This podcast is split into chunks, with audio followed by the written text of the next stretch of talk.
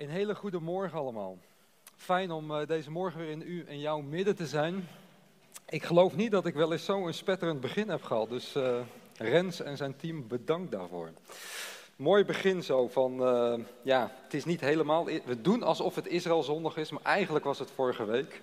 Maar dat maakt niet uit, want ja, Bert en ik hebben ook wel eens tegen elkaar gezegd, eigenlijk is het iedere zondag Israël zondag. Want ja, Israël kom je door heel de Bijbel heen tegen. Um, ja, heel kort, het werk van Israël in de Bijbel, er is al wat over gezegd. Maar um, inderdaad, u kunt daar een, een themanummer meenemen. Um, het hart van het werk is dat wij Bijbels verspreiden onder het Joodse volk. Dat doen we al meer dan 50 jaar. Wereldwijd zetten we ons in voor de Bijbelverspreiding onder het Joodse volk. En we hebben nu een uh, bijzonder themanummer over de Garedim. Dat zijn de ultra-orthodoxe Joden. En uh, in dat themanummer nemen we u mee in uh, ja, hoe zijn nou de ultra-orthodoxe Joden ontstaan. maar ook hoe leven ultra-orthodoxe Joden. en ook weer opnieuw de kern van het werk, namelijk hoe kunnen we hem bekendmaken ook met de Messias, de Heer Jezus. ultra-orthodoxe Joden die groeien op in een hele gesloten gemeenschap. Uh, ze weten vaak niet hoe de wereld om hen heen werkt. En als we het hebben over de onbereikte volken, dan staan ook zij zeker in de top 5 van de meest bereikte volken hier op aarde. Ik durf rustig te zeggen dat uh, zeker 90% van de ultra-orthodoxe Joden nog nooit één letter in het Nieuwe Testament heeft gelezen. En vandaar dat we ook in het Jiddisch, de taal die zij spreken, allemaal materialen aan het ontwikkelen zijn om ook hen te bereiken met het evangelie. Nou, mocht u daar meer over willen weten, dan zou ik zeggen, neem zo'n themanummer mee. En naast het themanummer vindt u ook een kindernummer. Um, en ik zou zeggen, nou, mocht je kinderen hebben, neem zo'n nummer mee. Ja, het thema van vanmorgen is heidenen tot geloof met een vraagteken. En misschien zet u ook wel een vraagteken achter het thema, dat u denkt, waar gaat dit naartoe? Waar gaan we het vanmorgen met elkaar over hebben? Nou, dat wordt vanzelf duidelijk. Als wij het Nieuwe Testament openslaan, dan um, lezen wij heel vaak direct met de bril van de kerk. De meeste van ons die zijn opgegroeid in een christelijk gezin.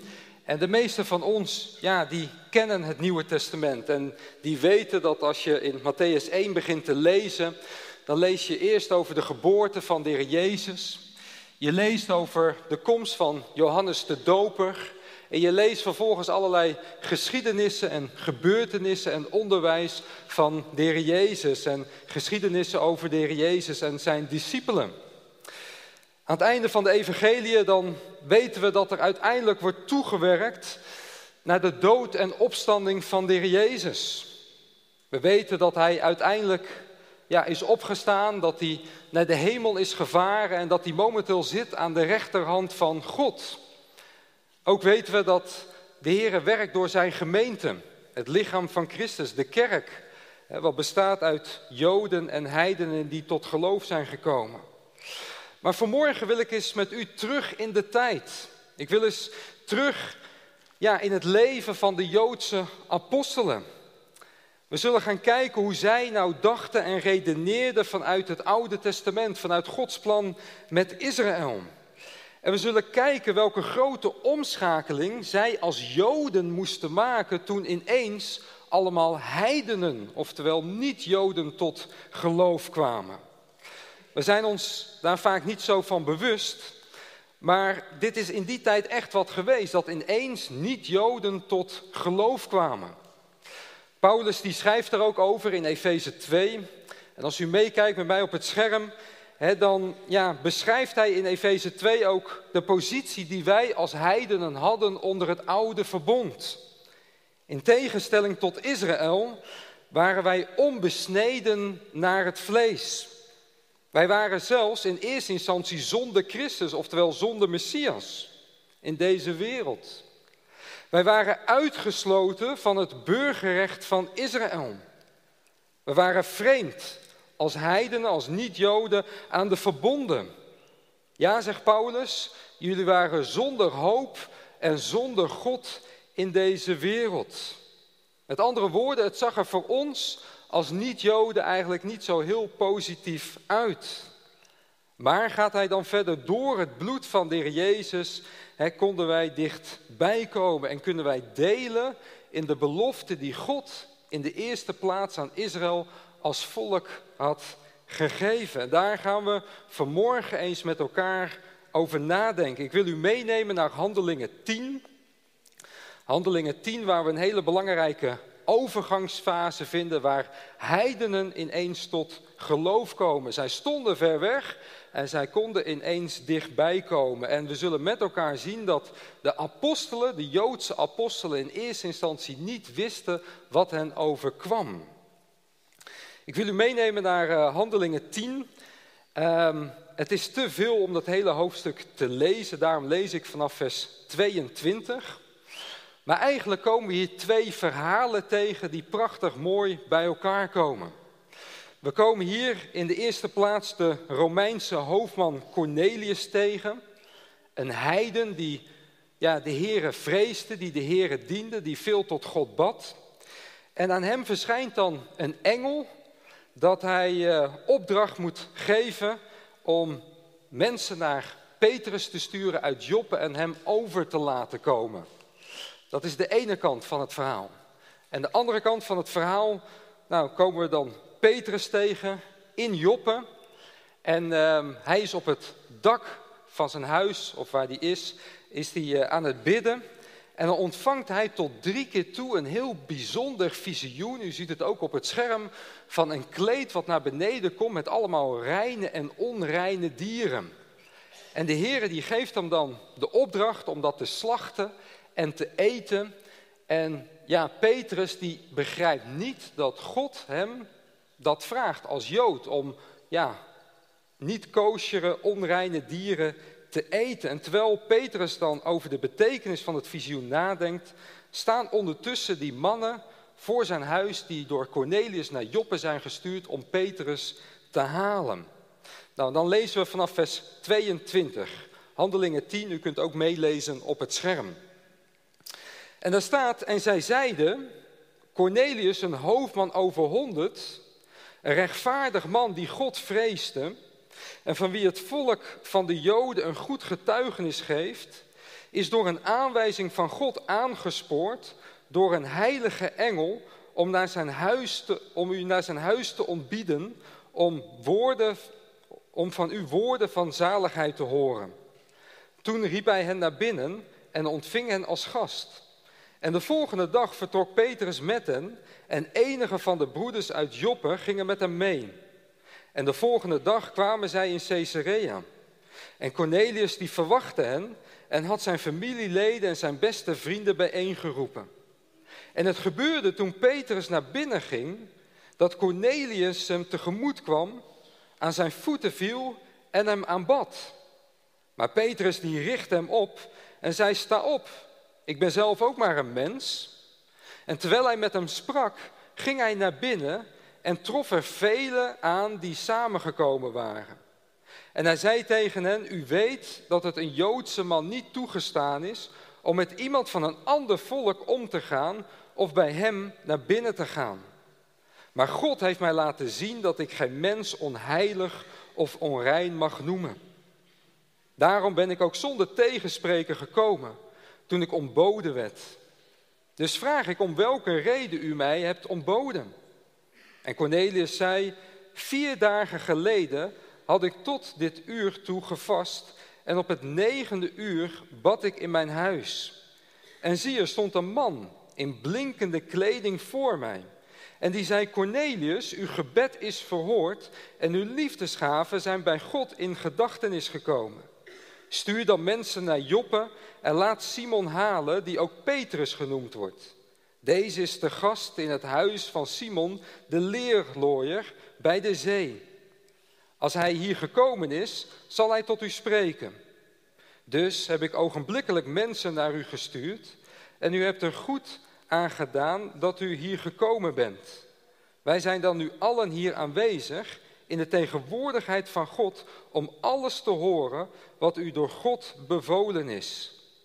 En Petrus die opende zijn mond en zei, ik zie nu in waarheid in dat God niet iemand om de persoon aanneemt. Maar in ieder volk is degene die hem vreest en gerechtigheid doet, hem welgevallig. Dit is het woord dat hij gezonden heeft tot de Israëlieten, waardoor hij vrede verkondigt door Jezus Christus. Deze is de Heere van allen. U weet wat er gebeurd is in heel Judea. Wat begon in Galilea na de doop die Johannes gepredikt heeft. Hoe God Jezus van Nazareth gezalfd heeft met de Heilige Geest en met kracht. En hoe hij het land door is gegaan terwijl hij goed deed en allen die door de duivel overweldigd waren genas, want God was met hem. En wij zijn getuigen van alles wat hij gedaan heeft, zowel in het Joodse land als in Jeruzalem. Ze hebben hem gedood door hem aan een kruis te hangen. Deze heeft God opgewekt op de derde dag en hij heeft gegeven en hij heeft gegeven dat hij zou verschijnen. Niet alleen aan heel het volk, maar aan de getuigen die door God tevoren verkozen waren, aan ons namelijk, die met hem gegeten en gedronken hebben, nadat hij uit de doden opgestaan was. En hij heeft ons bevolen tot het volk te prediken en te getuigen dat hij degene is die door God aangesteld is tot een rechter over levenden en doden. Van hem getuigen al de profeten dat een ieder die in hem gelooft, vergeving van zonde ontvangen zal door zijn naam. En terwijl Petrus deze woorden nog sprak, viel de Heilige Geest op allen die het woord hoorden. En de gelovigen die van de besnijdenis waren, zoveel als er met Petrus waren meegekomen, waren buiten zichzelf dat de gave van de Heilige Geest ook op de heidenen uitgestort werd. Want zij hoorden hen spreken in vreemde talen en God groot maken. Toen antwoordde Petrus, kan iemand soms het water weren, zodat deze mensen, die evenals wij de Heilige Geest ontvangen hebben, niet gedoopt zouden worden? En hij beval dat zij gedoopt zouden worden in de naam van de Heer. Toen vroegen zij hem enkele dagen bij hen te blijven. Ja, ik vind altijd een indrukwekkende geschiedenis hier in Handelingen 10, wat hier gebeurt. Nou, wat ik vanmorgen wil doen is eigenlijk niet zozeer vers voor vers door dit gedeelte heen gaan. Maar wat ik eigenlijk wil doen is deze geschiedenis, Handelingen 10, plaatsen in het grote plan van God. Want om daadwerkelijk te kunnen voelen wat de apostelen voelden in die tijd, um, ja, is het goed om even uit te zoomen op het grote plan van God en even terug te gaan in de tijd. Toen de Heer Jezus naar deze aarde kwam, toen kwam hij in de eerste plaats voor zijn volk Israël. We zagen dat net ook in Efeze 2, dat Paulus dat zegt, hè, dat wij ver weg stonden. Hè, en dat de Heer eigenlijk in de eerste plaats ja, voor zijn volk kwam. De Heer Jezus, hij is en hij was de belang, lang beloofde Messias voor Israël, waar Mozes en de profeten al over spraken. En daarom dat als je de evangelie gaat lezen, dat je ook ziet dat de Heer Jezus heel gericht onderwijs gaf in de synagogen. Niet in de kerk, nee, in de synagogen. En we zien dat ook in ja, het moment dat als de Heer Jezus zijn discipelen uitzendt in Matthäus 10, en u kunt meelezen op het scherm, dat hij zijn ja, discipelen heel gericht uitzendt naar de verloren schapen van het huis van Israël. De twaalf werden uitgezonden, ze mochten niet naar de heidenen. Ze mochten geen enkele stad van Samaritanen binnengaan, maar ze moesten zich in eerste instantie wenden tot de verloren schapen van het huis van Israël. Israël moest als volk tot bekering komen. Pas dan kon de Heere zijn volk herstellen. Pas dan kon dat Davidisch koninkrijk gestalte krijgen. Die vervallen hut van David, die kon weer opnieuw opgebouwd worden. En Israël kon dan weer als volk hersteld worden. Maar ondanks dat de Heere predikte onder het volk, ondanks de vele wonderen en tekenen die hij verrichtte, onder zijn volk zien, ze, zien we dat ze hem als volk verwerpen. En we zien op een gegeven moment dan ook in Matthäus 13 dat de Heer Jezus begint te spreken in gelijkenissen. In gelijkenissen om het koninkrijk voor het volk te verbergen. De koning was in hun midden. Het koninkrijk stond op aanbreken, maar ze moesten het de koning en het koninkrijk wel aanvaarden. Maar dat gebeurde niet. En dan zegt de Heer Jezus in Matthäus 13, vers 15, want het hart van dit volk is vet geworden. En ze hebben met de oren slecht gehoord en hun ogen hebben zij dicht gedaan. Opdat zij niet op enig moment met de ogen zouden zien en met de oren zouden horen en met het hart begrijpen en zij zich zouden bekeren en ik hen zou genezen. Het volk was doof. Het volk was blind. De heer Jezus die citeert hier Jezaja 6 en hij constateert eigenlijk dat in zijn tijd het volk doof en blind was en in ballingschap terechtkwam. En eigenlijk ook opnieuw in de tijd van de heer Jezus is het volk doof en blind. En we zien dan ook dat niet veel later de heer Jezus zijn discipelen begint voor te bereiden op zijn lijden en zijn sterven. Ook de zonden van het volk moesten verzoend worden. En de profeet Jezaja die had dat al voorzegd in Jezaja 53. Waar we lezen in Jesaja 53, vers 5, maar hij is om onze overtredingen verwond, om onze ongerechtigheden verbrijzeld. En de straf die ons tevreden aanbrengt, was op hem. En door zijn striemen is er voor ons genezing gekomen. De Jezus, hij moest in de eerste plaats sterven om verzoening tot stand te brengen ja, voor zijn volk, zijn volk Israël. En toen de Jezus stierf aan het kruis, toen begrepen de discipelen er in eerste instantie helemaal niks van. Zij hadden dat beeld in gedachten dat de Jezus als koning zou gaan regeren vanuit Jeruzalem. Dat hij een einde zou maken aan die Romeinse overheersing. En we zien dat ook bij de Emmausgangers, waar we lezen in Lucas 24, vers 21, wij hoopten dat Hij het was die Israël zou verlossen. Ze hadden die hoop en die verwachting dat de Heer Jezus eindelijk Israël zou gaan verlossen. Maar al met al is het al de derde dag sinds deze dingen gebeurd zijn. Ik vind dat zo'n geweldige geschiedenis, want ze hebben op dat moment nog niet in de gaten dat degene die naast hen loopt en hen aanhoort, de Heer Jezus zelf is. En dan moet de Heer, die moet hun verstand openen. En ja, zij waren zo gefocust op die messiaanse belofte dat hij als koning zou gaan regeren, dat ze eigenlijk blind waren voor al die profetieën die spreken over zijn lijden en zijn sterven. En wat doet de Heer Jezus dan? Nou, we lezen dan vervolgens dat de Heer Jezus hem begint te onderwijzen. Vers 26, moest de Christus, oftewel de Messias, niet lijden en zo in zijn heerlijkheid ingaan. En hij begon bij Mozes en al de profeten en hij legde hun uit wat in al de schriften over hem geschreven was. Ik zou best wel bij die Bijbelstudie geweest willen zijn. Die de Heere daar gaf vanuit Mozes en de profeten, hoe hij iedere keer ja, daarvan uit wordt verwezen naar ja, dat verzoenend lijden en sterven van de Jezus.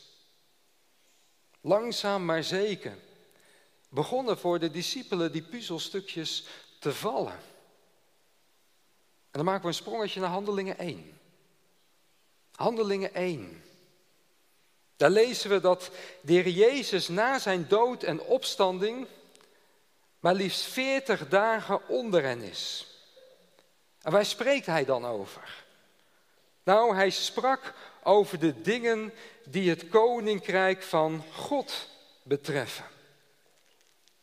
U kunt zich voorstellen dat de discipelen ook tal van vragen hadden aan de Heer Jezus. Hoe zit het nou met dat herstel van Israël? Hoe zit het nou met dat koninkrijk? Dat is toch aan ons beloofd, dat is toch waar de profeten vol mee staan met het herstel van Israël, de oprichting van zijn koninkrijk. Dat is ons beloofd. Hoe, zit het daarmee? Je kunt die worsteling van de discipelen voorstellen. En ik denk dat de Jezus hen in die 40 dagen heeft onderwezen over het belang van zijn lijden en zijn sterven. Maar dat hij hen aan de andere kant ook onderwezen heeft over dat herstel van Israël. En dat blijkt ook wel, want na die 40 dagen, dan stellen zijn discipelen, die stellen hem dan de vraag, Heere, zult u in deze tijd voor Israël het koninkrijk weer herstellen? En hij zei tegen hen, het komt u niet toe de tijden of de gelegenheden te weten die de Vader in zijn eigen macht gesteld heeft, maar u zult de kracht van de Heilige Geest ontvangen die over u komen zal en u zult mijn getuige zijn. Zowel in Jeruzalem als in heel Judea, Samaria tot aan het uiterste van de aarde. Let op wat hier staat, hè? Let op. Want na die 40 dagen stellen zijn discipelen hem niet de vraag of het koninkrijk voor Israël nog wel wordt hersteld. Nee, dat was hem wel duidelijk na die 40 dagen onderwijs. Nee, de vraag was, wanneer vindt dat herstel plaats? En de Heer Jezus die reageert ook niet ontkennend. Die zegt niet van, uh, joh, vanaf nu heeft eh, de kerk de plaats van Israël ingenomen en uh, ja, dat herstel van Israël, dat, ja, dat zit er gewoon niet meer in, jongens. Nee, dat is niet wat de Heer Jezus hier zegt. De Heer Jezus zegt, de tijden en gelegenheden die zijn in handen van de Vader. Hij bepaalt wanneer dat koninkrijk voor Israël weer hersteld zal worden. En let op wat er dan staat in vers 8. De discipelen moeten namelijk zijn getuigen zijn. Ze moeten getuigen van de dood en opstanding van de Heer Jezus Christus. Ze moeten dat evangelie prediken. Waar in Jeruzalem, Judea, Samaria, tot aan het uiterste van de aarde. Hou dat heel even vast. Ze moeten zijn getuigen zijn. Ik maak heel even een klein uitstapje. En dan kom ik hier zo meteen weer terug. Wat waren de laatste woorden van de heer Jezus vlak voor zijn lijden en sterven met betrekking tot het herstel van Israël? Heeft iemand idee? Wat waren de laatste woorden van de heer Jezus vlak voor zijn lijden en sterven met betrekking tot het herstel van Israël? Weet u, dat waren deze woorden. Niet deze woorden. kind 4 en 6. maar deze woorden. Yes, daar komt hij. Bedankt bij mijn team. Vlak voor het lijden en sterven van de Heer Jezus sprak hij deze woorden uit. Hij zei, Jeruzalem, Jeruzalem, u die de profeten dood en stenig wie naar u toegezonden zijn. Hoe vaak heb ik uw kinderen bijeen willen brengen op een wijze waarop een hen haar kuikens bijeenbrengt onder haar vleugels? Oftewel het herstel van Israël. God wilde Israël gaan verzamelen uit de volken. Hij wilde hen als volk gaan herstellen, bijeen gaan brengen. Maar, zegt de Jezus, u hebt niet gewild. Waarom wilde Israël niet? Nou, omdat ze als volk niet tot bekering kwamen. In plaats van naar de profeten te luisteren en die oproep van bekering ja, binnen te laten komen en tot inkeer te komen, hadden ze de profeten gedood. En dan zegt de Heer, zie, uw huis wordt als een woestenij voor u achtergelaten. Want ik zeg u, Israël, u zult mij van nu af aan niet zien totdat u zegt, gezegend is hij die komt in de naam van de Heer. Met andere woorden, Israël als volk kan pas hersteld worden als ze als volk tot bekering komen. Als ze als volk deze woorden uitspreken, gezegend is Hij die komt in de naam van de Heer. Dat is wat de Bijbel leert. Dan moeten we bedenken dat in de tijd van handelingen een deel van het Joodse volk in Israël woonde, maar het overgrote gedeelte van het Joodse volk ook in die tijd leefde buiten Israël. En dat was gekomen door de ballingschap. Daarvoor had je de Assyrische ballingschap gehad. Je ziet dat er een Babylonische ballingschap was, geweest. En je ziet dat een klein deel van het volk weer was teruggekeerd naar het land. Maar het overgrote gedeelte van het Joodse volk woonde ook in die tijd buiten Israël. Zo woonden er in die tijd, volgens overleveringen, bijna 1 miljoen Joden in Egypte. Kunt u het zich voorstellen? Nou, vandaag niet meer, hè, als je naar Egypte kijkt. Maar in die tijd woonden er maar liefst 1 miljoen Joden in Egypte, voornamelijk in Alexandrië. In de streken van Libië bestond een kwart van de bevolking uit Joden. Er was in die tijd een grote Joodse gemeenschap in Rome. Er was een grote Joodse gemeenschap in Babel, waar je uiteindelijk ook de Babylonische Talmud krijgt en heel veel rabbijnse geschriften. Waarom deel ik dit nou? Nou, laten we teruggaan naar Handelingen 1. Een belangrijke voorwaarde voor het herstel en de oprichting van het koninkrijk voor Israël was de bekering van Israël. Gezegend is hij die komt in de naam van de Heer. Dat is wat de Heer vlak voor zijn lijden en sterven zei. De apostelen die moeten zijn getuigen zijn. Waar? In Jeruzalem, Judea, Samaria, tot aan het einde van de aarde. Want ook buiten Israël, lieve vrienden, woonde er een hele grote Joodse gemeenschap die tot bekering moest komen, die zijn naam moest aanroepen. En de apostelen die moesten van hem gaan getuigen. Kijk, wij lezen in Handelingen 1, vers 7 en 8 vaak de grote zendingsopdracht. En vanmorgen zeg ik, zo mag u hem ook lezen. Want we zien uiteindelijk ook dat het hel naar de heidenen gaat. Maar wat ik vanmorgen heel even wil doen, is die Joodse bril opzetten. De discipelen, de Joodse discipelen, zij dachten en redeneerden vanuit de Tenach. Vanuit Gods plan met Israël. Zij redeneerden vanuit datgene wat de Heer Jezus hen had gezegd. Zijn naam moest bekendgemaakt worden. Israël als volk moest tot bekering komen. En daarom dat ze getuigen moesten zijn onder het volk in Israël, maar ook daarbuiten.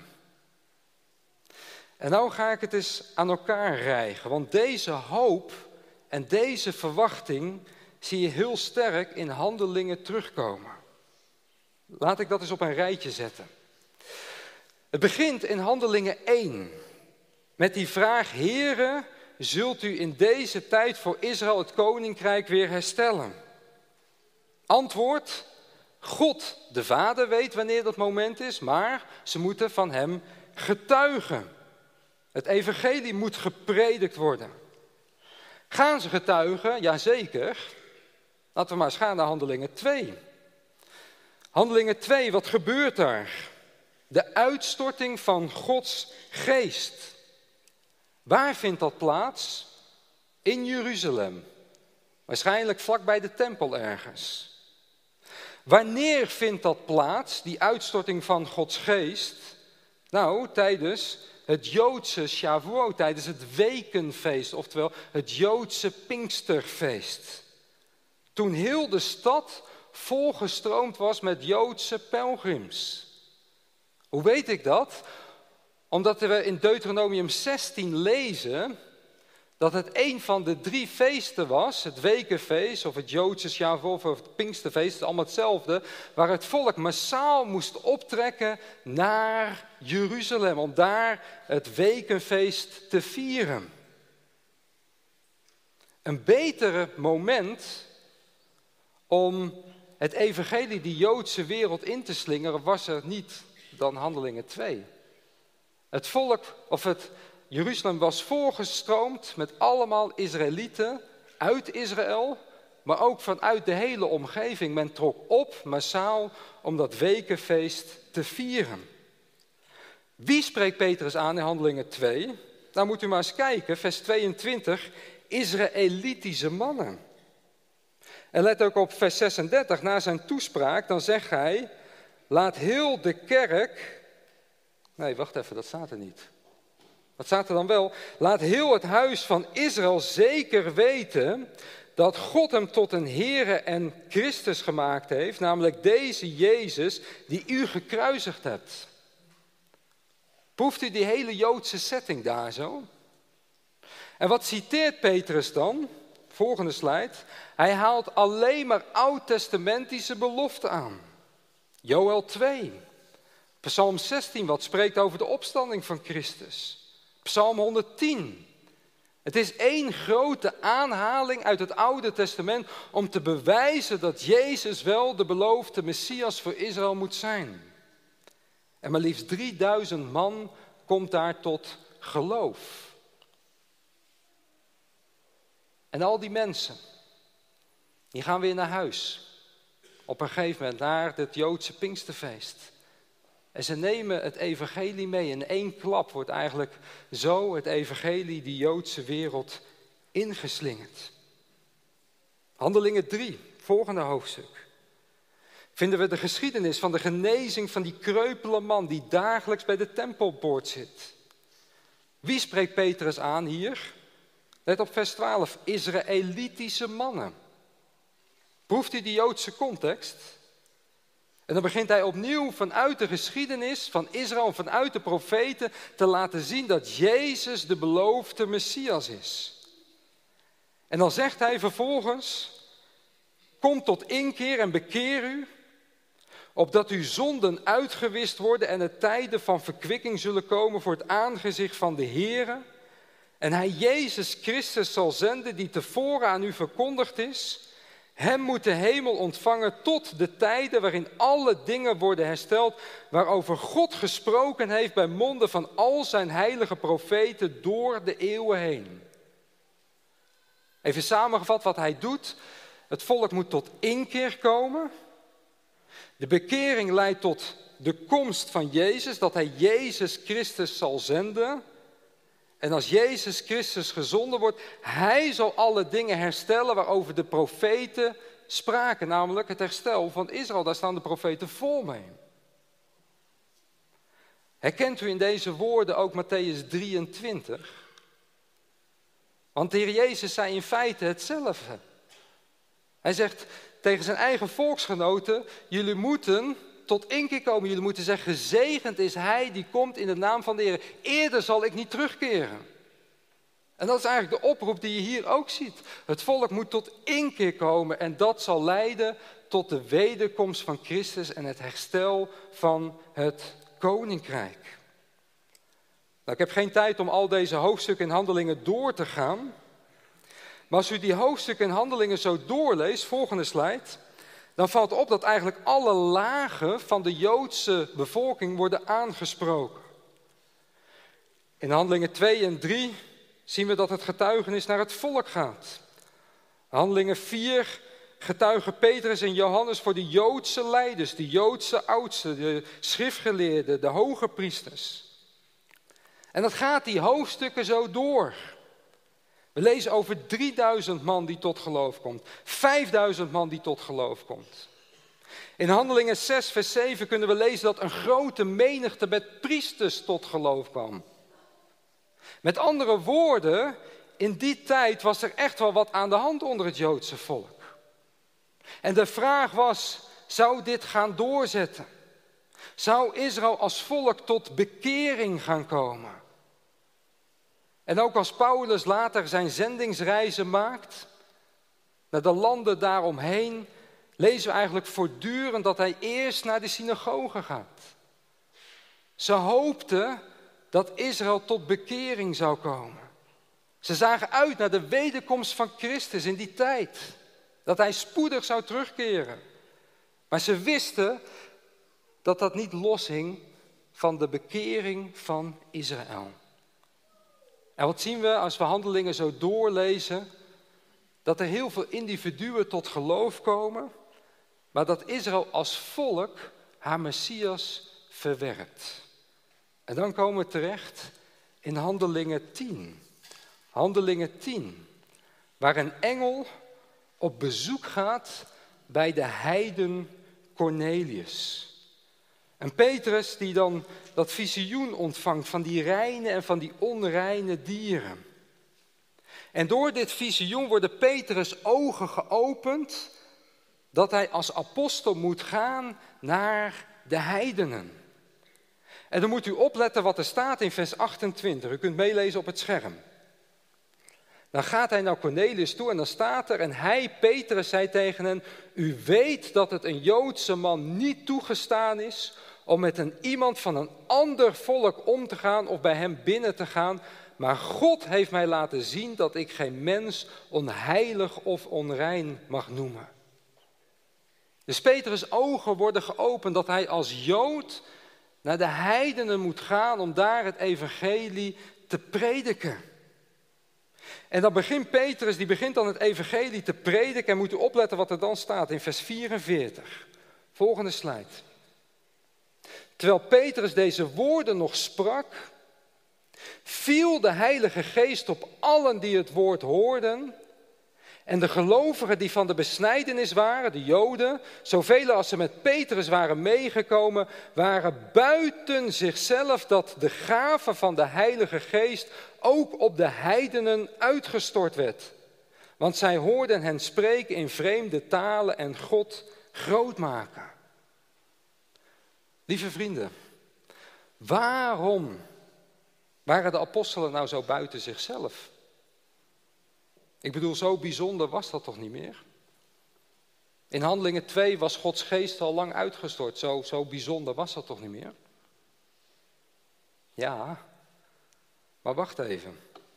Ze waren buiten zichzelf omdat heidenen, oftewel niet-Joden, begonnen te delen, let op wat ik nu zeg, in de belofte die God in de eerste plaats aan Israël als volk had gegeven.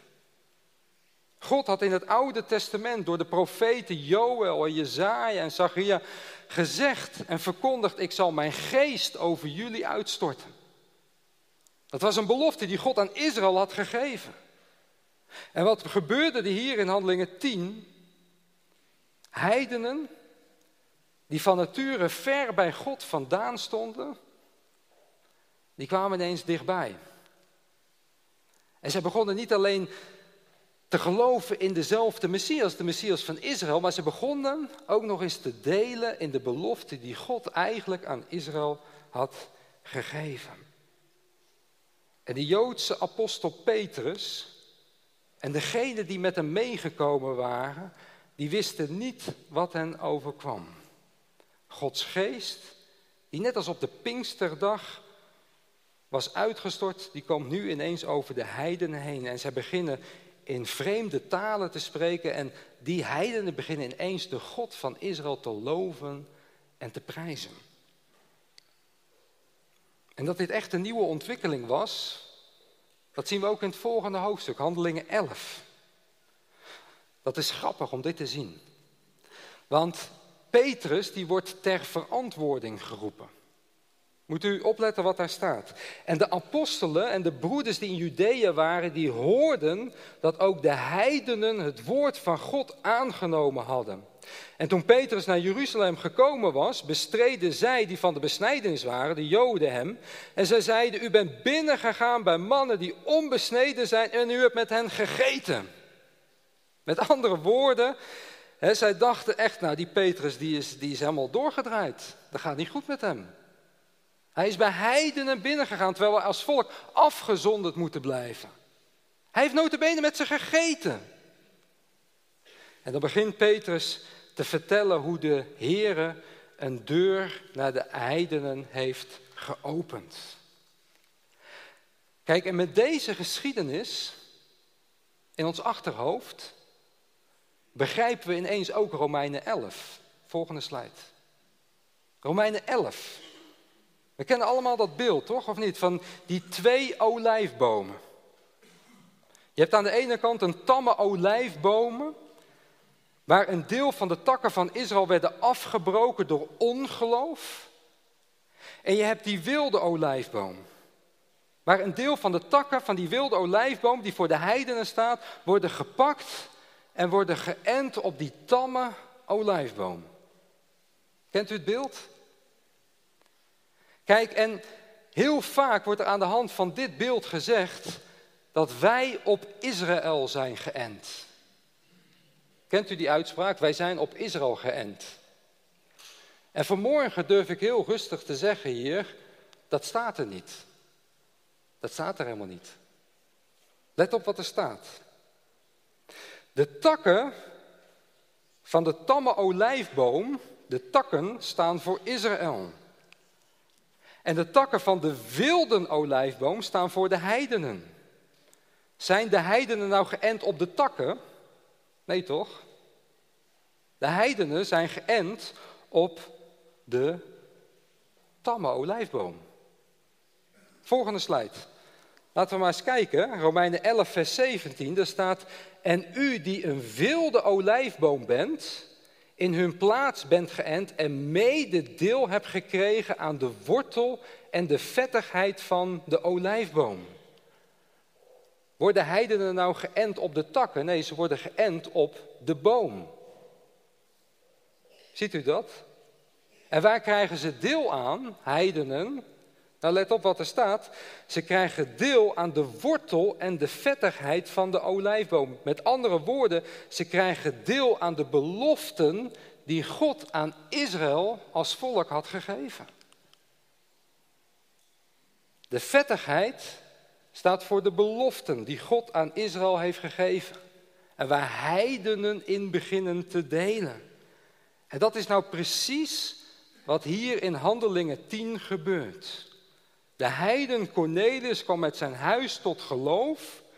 En ze gingen als wilde takken van die wilde olijfboom, gingen ze delen in die tamme olijfboom, in de belofte die God aan Israël had gegeven. Wat waren dan die beloften? Nou, in dit geval, in Handelingen 10, gingen zij delen in die belofte van Gods geest. Dat is nou een belofte wat God eigenlijk aan Israël als volk had gegeven en waar heidenen in beginnen te delen. En wat had Israël moeten doen in die tijd? Ze hadden als volk eigenlijk tot leven moeten komen. Ze hadden wakker moeten worden. Ze hadden eigenlijk moeten denken, wat gebeurt daar onder de heidenen? De een na de ander komt tot geloof. Ze beginnen te delen in onze Messias. Ze beginnen te delen in onze belofte die God aan ons als volk had gegeven.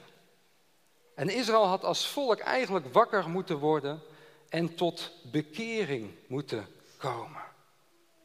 En lieve vrienden, dat is nou precies wat we als Stichting Israël de Bijbel nog iedere dag doen. Met Joodse mensen dat gesprek aangaan. Delen met Joodse mensen hoe ons leven is veranderd door het lezen van hun Joodse geschriften. Het Oude Testament, maar ook het Nieuwe Testament, wat ook een door en door Joods boek is.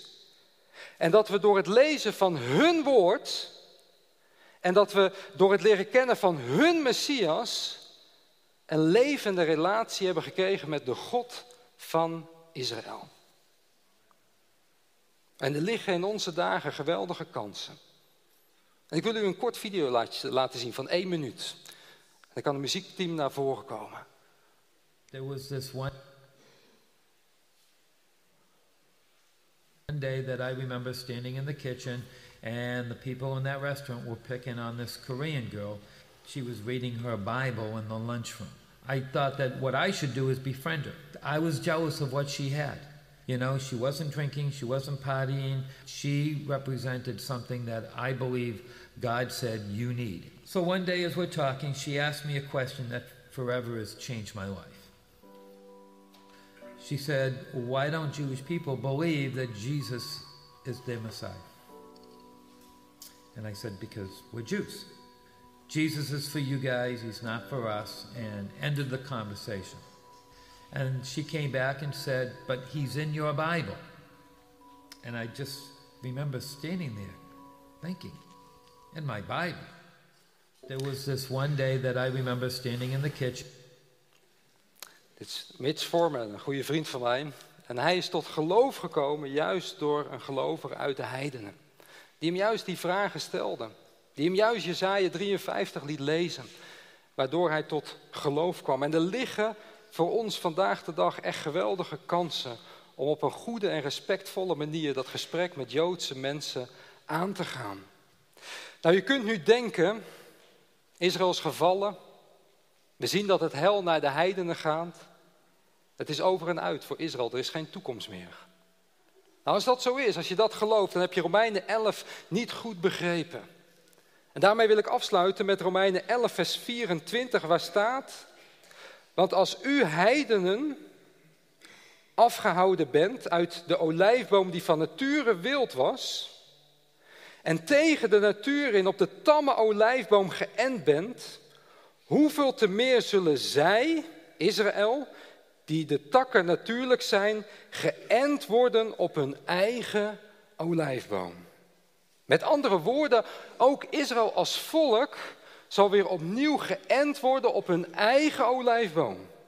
Ook zij zullen als volk, op het moment dat zij tot bekering zullen komen in de eindtijd, zullen zij weer opnieuw ja, deel gaan krijgen aan hun eigen beloften. En een van die beloften, die voor hen nog ligt weggelegd, als zij tot bekering zullen komen, is dat God zijn geest op Israël als volk zal gaan uitstorten.